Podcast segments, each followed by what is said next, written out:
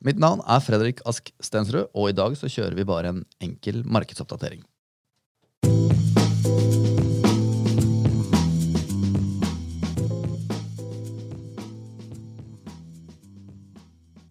Med meg så har jeg som vanlig vår sjefstrateg i Danske Bank, Anders Johansen. Velkommen, Anders. Tusen takk. Du, det skjer eh, mye i verden om dagen, og i dag syns jeg bare vi skal kjøre en oppdatering på markedet. Eh, Det er jeg helt enig i. Men først så hadde du en liten kommentar angående den forrige episoden vår. Ja, det stemmer. Eh, Jeg vil bare takke de som eh, hører på, for at eh, dere har eh, hørt på og kommet med mange hyggelige kommentarer. Og så må jeg også forsikre om at jeg har lest alle bøkene, riktignok over litt tid. Og for de av dere som har skrudd av og på eh, podkasten for å notere bøker underveis, så har vi nå også lagt ut da listen med bøker på, eh, på den siden som tilhører podden, sånn at dere kan laste ned der, for da slipper dere å skru av og på. Det ligger faktisk rett i episodebeskrivelsen, så hvis dere bare åpner den, om dere hører på fra Spotify eller Apple Podcast eller hvor enn dere hører, så er det bare å lese beskrivelsen, så står alle bøkene der. Ok, Anders, da går vi over til markedet. Hva er det vi skal snakke om i dag? Jo, jeg tenkte Det er tre hovedtemaer som er viktige for tiden. Det er eh, først og fremst inflasjon, men så er det også den pågående krigen. Og så da er det jo et nytt utbrudd av omikron i Kina. Og til sist, men ikke minst, hva gjør vi nå? Ok, men eh, la oss begynne med inflasjon, da, for det er vel kanskje noe av det viktigste for markedet. Ja, det, det stemmer det. Det er det, det, det som styrer de store bevegelsene for tiden. og eh, kort, Litt kort om bakgrunnen. da, så opplever vi jo nå den høyeste inflasjonen i mange land siden 80-tallet. Eh, og eh, Sentralbanken i USA har måttet stramme kraftig til. I september så var det ikke regnet med en eneste renteheving eh, fra sentralbanken i USA i løpet av 2022. Og nå er det regnet med at de setter opp da 11 standard rentehevinger. altså Det er da 0,25% hver gang, så godt over 2 eh, i løpet av 2022. Så det er den store bevegelsen som har vært i løpet av eh, året når det gjelder forventninger. Og onsdag så satte de opp renten for første gang med en dobbel, altså 0,5% Og Forrige gang de gjorde det, så var da, er jo 22 år siden, så det er definitivt ikke noe de gjør eh, hver dag. Og de bekreftet også at de, planen nå, hvis ikke ting endrer seg, er å sette det opp med ytterligere 0,5% de neste to møtene. Likevel så jublet jo markedet. Det sendte aksjer opp nesten 3% og det var fordi de avkreftet at de kom til å sette renten opp med 0,75% i et enkelt møte. Kan ikke ha sett at eh, det har skjedd noen gang før, egentlig. Da er det vel mer sånn at man har eh, gått inn og, gjort noen ekstrahopp underveis, altså mellom to møter. Så, så det er eh, helt ekstraordinært, det som, som skjer. Eh, og så var riktignok aksjer da en del ned igjen i går. Jeg kommer tilbake til det, da. Um, de har også eh, i tillegg da varslet at de skal begynne å trappe ned balansen sin med 1100 milliarder dollar per år. Så de begynner eh, så smått i juni, og så trapper de eh, gradvis opp frem mot eh, september. og Da er de på en måte på marsjtakten og ser for seg da å være i en takt hvor de trapper, eller reduserer balansen sin med 1100 milliarder dollar per år. Så det er også en kraftig eh, endring, og er jo også ment for å trekke tilbake stimulanser til, eh, til økonomien. da. Eh, Så, og Konsekvensen av alt dette det er jo det at rentene da har steget eh, kraftig i år og har gjort at globale statsobligasjoner har hatt sitt dårligste kvartal siden 90-tallet. Eh, Og det statsobligasjoner det er jo lån til, eh, til eh, statene, altså til myndighetene. For F.eks. i USA så er det regnet som å være noe av det tryggeste du kan gjøre. Derfor så er jo det ekstraordinært når de faller så mye på et kvartal. Og kanskje også, eller uvant for oss, at vi både aksjer faller og obligasjoner faller samtidig. For vi er jo vant til at når aksjer faller, så er obligasjoner det trygge stedet å være. Så um, det, det har vært eh, sånn sett et veldig, eller fire veldig spesielle måneder hittil i år. da. Um, også i Europa så regnes det med at rentene settes opp uh, ganske kraftig. Det har også vært store endringer der i løpet av uh, året. Uh, det ventes nå at de setter opp med tre ganger i år, og ytterligere syv ganger neste år. Og som dere vet, så har jo Europa hatt negative renter i mange år, så dette er ekstraordinært når de nå endrer det. Og Kort kommentar også på Norge, så er jo også vi i ferd med å sette opp renten i Norge. Men Norges Bank har her vært eh, jeg vil si best in class. De begynte litt før de andre. Eh, Og det har ikke vært like store endringer på hvor mye det forventes at Norges Bank skal sette opp renten fremover. Så det har vært bra. Hvordan har dette påvirket aksjemarkedet? Aksjer har jo da falt eh, Nå svinger det veldig mye fra dag til dag, men med rundt 10 Uh, og det er kanskje ikke så mye som, som fryktet når, rentene har steget så mye. Vi har uh, denne krigen og også nye omikronutbrudd i Kina. Uh, men bare for å ta litt sånn raskt hvordan det egentlig har utviklet seg i år, da, så kan man egentlig dele det litt inn i tre faser. Det var en fase frem til krigen brøt ut 24.2. Da falt aksjer en del pga. stigende renter og de tingene jeg nevnte i sted så klarte egentlig aksjer seg ganske bra i begynnelsen av krigen gjennom mars. Eh, litt fordi man var lettet over at eh, det ikke så ut til å eskalere så mye. Eh, altså Krigen så ut til å holde seg innenfor Ukraina. Og så har jo da mm, det vært ganske dårlig avkastning gjennom april. Og så ser vi jo nå store svingninger nå i, i begynnelsen av mai. På Oslo Børs så har jo den egentlig klart seg eh, veldig veldig bra i forhold til mye annet. Og det skyldes jo selvfølgelig eksponering mot olje og gass, høye laksepriser og også andre råvarepriser. Og når det gjelder eh, valuta, så er vi jo vant til også at eh, når vi ser denne type markedskorreksjoner, så svekker jo norske kronen seg mye. Det gjorde den ikke lenge. Eh, norske kronen klarte seg ganske bra, selvfølgelig da pga. denne styrken, eller høyere olje- og gasspriser. Men de siste par ukene så har vi også sett at norske kronen svekker seg. Og det er litt mer denne klassiske risk off-sentiment i markedet, hvor, hvor, også da norske kroner ser ut til å, å falle. Um, og så litt om hvorfor har ikke aksjer falt mer, da, som jeg nevnte i sted. Og det tror jeg nok skyldes det at vi har sett disse store fallene i obligasjoner. Eh, sånn at, Eller unormalt store fallene i obligasjoner. da. En 10% korreksjon i aksjer er jo faktisk ikke unormalt. Det er egentlig relativt normalt i et hvilket som helst aksjeår at det skjer en gang i løpet av eh, året. Men store fall i obligasjoner med, med store negative tall på, på, fire måneder, det er uvanlig. Og Derfor så har nok en del uh, sett at ok, økende inflasjon, da er det bedre inflasjonsbeskyttelse i uh, aksjer. Også obligasjonene mine faller, da, da søker jeg også tilflukt i aksjer. Så det har nok forklart noe av det. Og vi fortsetter å se da at, at rentene stiger. Eh, I går var eh, ti, ti års amerikansk statsrente, som oftest omtales som den viktigste renten i verden, den var um, over 3 for første gang siden, eller stengte dagen over 3 for første gang siden 2018. Uh, og så har vi jo sett en kraftig rotasjon ut av disse vekstaksjene, de, de, der hvor det er forventning om at de skal um, omsetningen og inntjeningen skal vokse kraftig i mange mange år fremover, og over i mer råvareselskaper, og spesielt da olje og gass, som har, eh, som har, gjort det veldig bra, tjener mye på de høye prisene vi ser. Ok, men, uh, vi må over det som kanskje er litt uh, viktigere for uh, mannen i gata, og ikke en hyggelig sak, nemlig krigen i Ukraina. Ja, og det fortsetter å være en, en humanitær katastrofe. Um, Kanskje et av de aller verste eksemplene er jo bombingen av dette stålverket i Mariupol. Eh, og eh, vi ser jo bare noen forferdelige scener derfra. Man kan bare tenke seg, eller jeg tror kanskje til og med ikke man kan det, hvordan det har vært å være stengt der nede i, i over to måneder. Ja, hva, hva, er status i krigen nå? Jo, um, for, for, det første så vil jeg tro at uh, dette har ikke gått som Russland hadde tenkt. Det har ikke vært noe rask uh, seier. og uh, de har ikke klart å splitte Vesten. Vesten står sterkere sammen enn egentlig, i hvert fall utad, enn noen gang tidligere. Og de har jo lagt om derfor strategien til å konsentrere seg om Øst-Ukraina og kyststripen langs Svartehavet. Og så står vi foran ganske viktige hendelser de neste to ukene. For det første så er det jo på mandag er det Victory Day, som de kaller det i Russland. Det er da de feirer seieren over Tyskland i andre verdenskrig. Og det er normalt en, en dag hvor Putin feirer, eller Russland feirer, men også da Putin eh, er jo selvfølgelig en viktig del av det, med militærparade bl.a. En del eksperter spekulerer i om Putin ønsker å kunne erklære seier den dagen. Det er jo på mandag, så det får vi jo snart uh, vite. Deretter, uh, hvis ikke det da blir en avklaring på mandag, så uh, kommer trolig Finland, og også der, dersom Finland gjør det, sannsynligvis Sverige, til å søke om Nato-medlemskap i løpet av bare noen uker her. I hvert fall blir det avklart om de ønsker å gå den veien. Og det har jo Putin tidligere uttrykt at det vil han reagere kraftig på.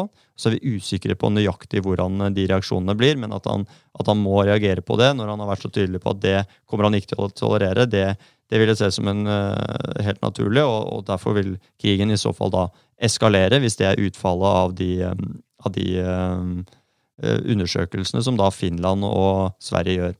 Og så er det jo ikke folkeavstemninger eller den type ting. Det er jo opp til da uh, regjeringen egentlig i Finland og i første omgang å komme med sin beslutning om de ønsker å gjøre dette. Og det skjer jo da allerede 14.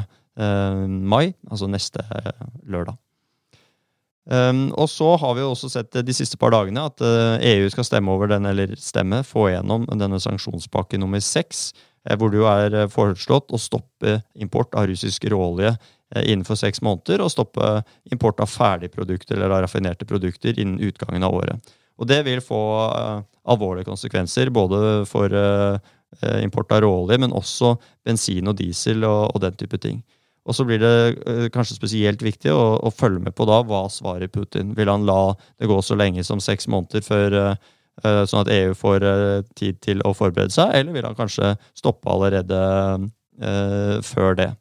Og han har jo allerede stoppet eksporten av gass da, til Polen og Bulgaria forrige uke, som et tegn på, tror jeg, at uh, dette er på en måte ting han, som ikke er, de er fremmede for, dersom Vesten skulle gå til det skrittet som de da EU nå, nå varsler. Så på krigen, uh, i krigen så står vi nå foran et par ganske viktige uker. Du nevnte konsekvenser. Hva er egentlig konsekvensene av den krigen her?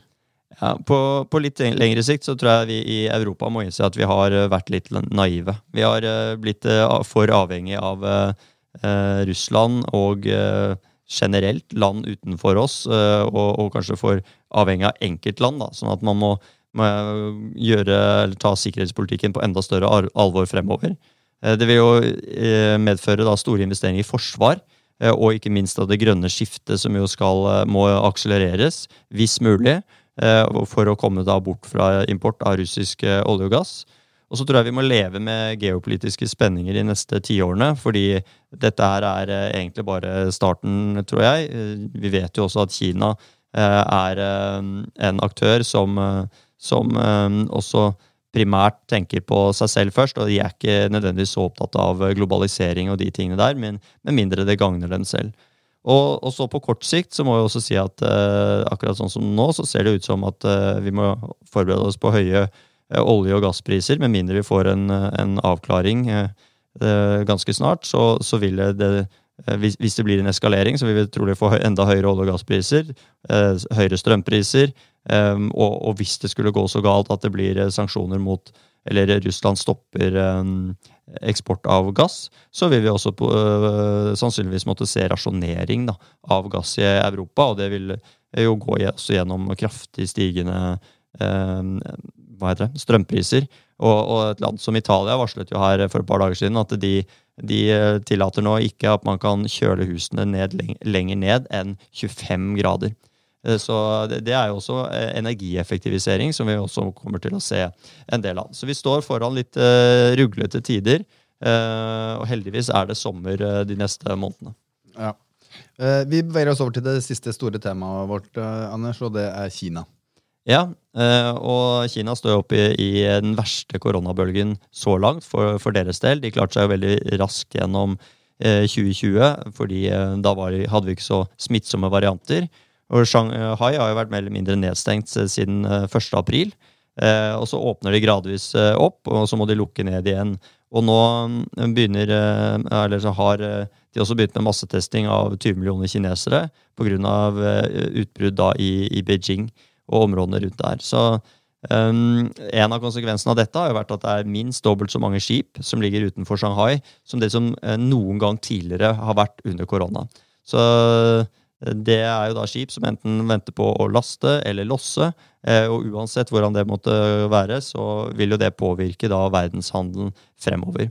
Så um, disse forsyningskjedene vi er blitt vant til at det er et problem, det kommer nok også til å fortsette en stund til, så lenge de, de sliter med dette i, i, Kina og ikke finner noen god, langsiktig løsning. Um, og så er det valg i Kina til høsten. Det er, eh, eller valg, det er kanskje feil å si, det er kongressmøte i kommunistpartiet. Men der skal det velges leder for de neste ti årene. Det gjøres der eh, da kongressmøte hvert femte år. Og hvert tiende år så velger de da ny leder. Og for de som er gode på kinesisk historie, så husker de at Xi han ble valgt til leder eh, i, for ti år siden. Og da skulle han normalt byttes nå, men han har gjort det på den måten at han høyst sannsynlig blir valgt til nytt, eller på nytt. Men likevel så blir, det et, pågår det en maktkamp der nå for å få flest mulig av hans tilhengere da inn i, i riktige posisjoner da for de neste ti årene. Så um, det har vært spekulert i om han også, eller også denne kampen er en del av disse nedstengningene uh, for, uh, for, å kontrollere hvordan uh, hans motstandere da er posisjonert inn mot dette. Så det er komplisert, det som skjer der. Og så, ja, så, er jo dessverre ikke omikron over. heller ikke for oss i, i, Vesten, så lenge det lever. Eller sa omikron, mente korona. fordi så lenge, så lenge viruset lever, så vil det også fortsette å mutere. Eh, og, og, vi kan jo se for oss en ny runde til høsten og vinteren, dessverre. Om det kommer nye, nye mutasjoner. Og de kan jo være både uh, mer eller mindre smittsomme, men de kan også være mer eller mindre farlige enn en omikron. Da. Så vi får bare kose oss nå med sol, sommer, uh, åpne, et åpent samfunn. Og så må vi bare ha det i bakhodet, og, og, at det kan skje på nytt. Og derfor kose oss litt ekstra mye. Hjelper ikke med sol-sommer-kommentaren med alt det negative greiene du spydde ut der? Er det ikke noe som er positivt her, eller? Um, jo, det er, det er, noe som er positivt. Altså Oslo Børs uh, klarer seg jo veldig bra. Og uh, AS Norge gjør det jo også veldig, veldig bra nå. Vi så um, Equinor legge fram rekordresultat bare for noen uh, dager siden fordi de tjener jo da veldig mye penger på høye olje, men spesielt høye, høye gasspriser. Og også mange andre selskaper i Norge som går bra. Eh, det er lav arbeidsløshet, eh, og, um, og ja, økonomien står, enn så lenge i hvert fall, står det veldig bra til i. Ok, Men jeg må oppsummere litt, Anders, for det er veldig mye informasjon på kort tid. Så hvis jeg har hørt deg rett, så står verden i prinsippet overfor eh, tre store problemer som i tillegg også delvis forsterker hverandre. Eh, nummer én, vi har den høyeste inflasjonen på 40 år i store deler av verden. Noe som har gjort at sentralbankene må trekke i håndbrekket. Eh, krigen i Ukraina forsterker inflasjonsproblemene. Eh, det nye omikron-utbruddet i Kina det har gjort at supply chain-problemene de er enda verre eh, på kort sikt. Og vi tror dessverre at dette kommer til å fortsette en liten stund framover. Ja, veldig bra oppsummert, Fredrik. Ok, Men hva skal investorene gjøre, da? Jo. Det første investorer må gjøre, det er at de må legge en langsiktig plan. Og hvis man har den langsiktige planen, så er det tidspunktet nå er å finne dem frem. Uh, fordi det er, det er, en grunn til at man øver på, på brannalarmer, f.eks. Det er for at man skal vite hva man gjør når det, når det, brenner. Og akkurat nå så brenner det litt, det er mye usikkerhet, og da er det viktig å finne fram denne langsiktige planen. Og så må man i størst mulig grad prøve å, å holde seg til den. Og dersom man da har en høyere aksjeandel enn, altså i dag enn det man egentlig ønsker å ha over tid, kanskje er man blitt revet litt med fordi, fordi ting gikk så bra i fjor den type ting, så, så er det et riktig tidspunkt å ha, passe på at man er på det nivået man ønsker å, å være langsiktig. Eh, og så er det klart det at eh, inflasjonen også har gjort det tydelig at det å, å, spare, å, spare, langsiktig i bank, det er heller ikke trygt. Men det tror jeg vi skal lage en egen sending om på et, eh, på et senere tidspunkt. Um, og så er det jo da viktig at man uh, har en aksjeandel som man Ehm, klarer, altså, tror man klarer å holde gjennom også en potensiell resesjon eller store aksjefall. Eh, sånn at man ikke kaster kortene på verst tenkelig tidspunkt. Eh, fordi det har vi sett eh, noen eksempler på før. Så at man på en måte, nå, nå skalker man litt lukene. Vi tror ikke det er hovedscenario at vi er der, men sannsynligheten er heller ikke helt uh, til, å, til, å, overse. Sånn at uh, ha planen. Eh, og være klar på hva man skal gjøre. Og for de aller, aller, aller, aller fleste så er det beste strategien å bare sitte helt stille i båten, sånn som dessverre så mange sier, eh, og, eh, og bare ri av stormen. Og hvis man føler at man mister hodet, at man har lyst til å gjøre noen endringer, så ok, legg en plan for det også. Vent en dag. Det er ingenting her som tilsier at man må gjøre noe fra en dag til den neste. Snakk med noen om det. Gå en tur rundt eh, huset eller et eller annet. Og så ikke, i hvert fall ikke se at oi, nå raser alt, og så, og så selger man alt. Eh, for det har vi sett tidligere. Det er ofte det verste man kan gjøre. Ja, Og det som egentlig er litt viktig å huske på der Man kan bli frista litt av å tenke at, det, at man selv er god til å på en måte bestemme Nei, nå tar jeg det jeg har klart å skape i markedet her, så tar jeg med meg det ut. Problemet er at en beslutning om å selge er egentlig to beslutninger, som vi har snakka om før. Og det er det å komme seg inn igjen som gjør at det her blir så vanskelig, og det er der det problemet kan oppstå, da, og, og, som vil kunne virke veldig negativt på din avkastning. Så det her er bare å følge Anders sine råd om dette. Sitt stille i båten. Men du, det her var kjempebra, Anders. Vi er straks nødt til å runde av, men bare helt avslutningsvis. Eh, det var et, et ganske spesiell eh, bevegelse i markedet i starten av denne uka her. Altså Noen ville kanskje kalle det et eh, flash crash. Hva er det som egentlig skjedde? Ja, det, det, kalles typisk et flash crash, det som var. Og det, det, var sånn at rett før klokken ti på mandag så raste plutselig børsene i, først i, i, Norden, og videre spredde det seg til resten av Europa eh, med over 5% eller ned mot 5 eh, Og så gikk det et par minutter, og så spratt de opp igjen til å være tilbake der det hadde vært eh, tidligere. Eh, og eh, dette har skjedd noen ganger tidligere. og man liksom begynte å sjekke hva er det egentlig som har skjedd. og Det viste seg at dette startet i, i Stockholm. Relativt stor ordre på å selge mange eh, Stockholms- eller eh, svenske aksjer. Eh, og eh, når det kommer så store ordre på veldig lave priser, så, så stupte jo Stockholm-børsen, og det tar ikke mange da Eh, sekundene, eller mindre enn det antageligvis, før det da fanges opp av, eh, av mennesker og roboter som, som, da får det til å spre seg andre steder. Så viste det seg at det var jo da en eh, menneskelig feil, høyst sannsynlig. En som har lagt inn, lagt inn en feil ordre. Eh, antageligvis en veldig dyr feil. Eh, og det ble rettet opp. Eh, og eh, også mange aksjer ble jo, det ble jo stoppet opp i, i, disse handelssystemene. For når en aksje faller mer enn 10 så, så stoppes handelen en periode for å finne ut hva er det egentlig som skjer. Og når det skjer på mange, så er det klart da, da, da går det noen alarmer mange steder. Sånn at Da fikk man jo stoppet disse tingene, funnet ut, trukket ordren, og da spratt markedene opp tilbake der det hadde, hadde vært. da. Ok, Det er godt, det, da. Du, jeg sier eh, tusen takk, ja, Anders. Så hører vi igjen, høres vi igjen i neste episode.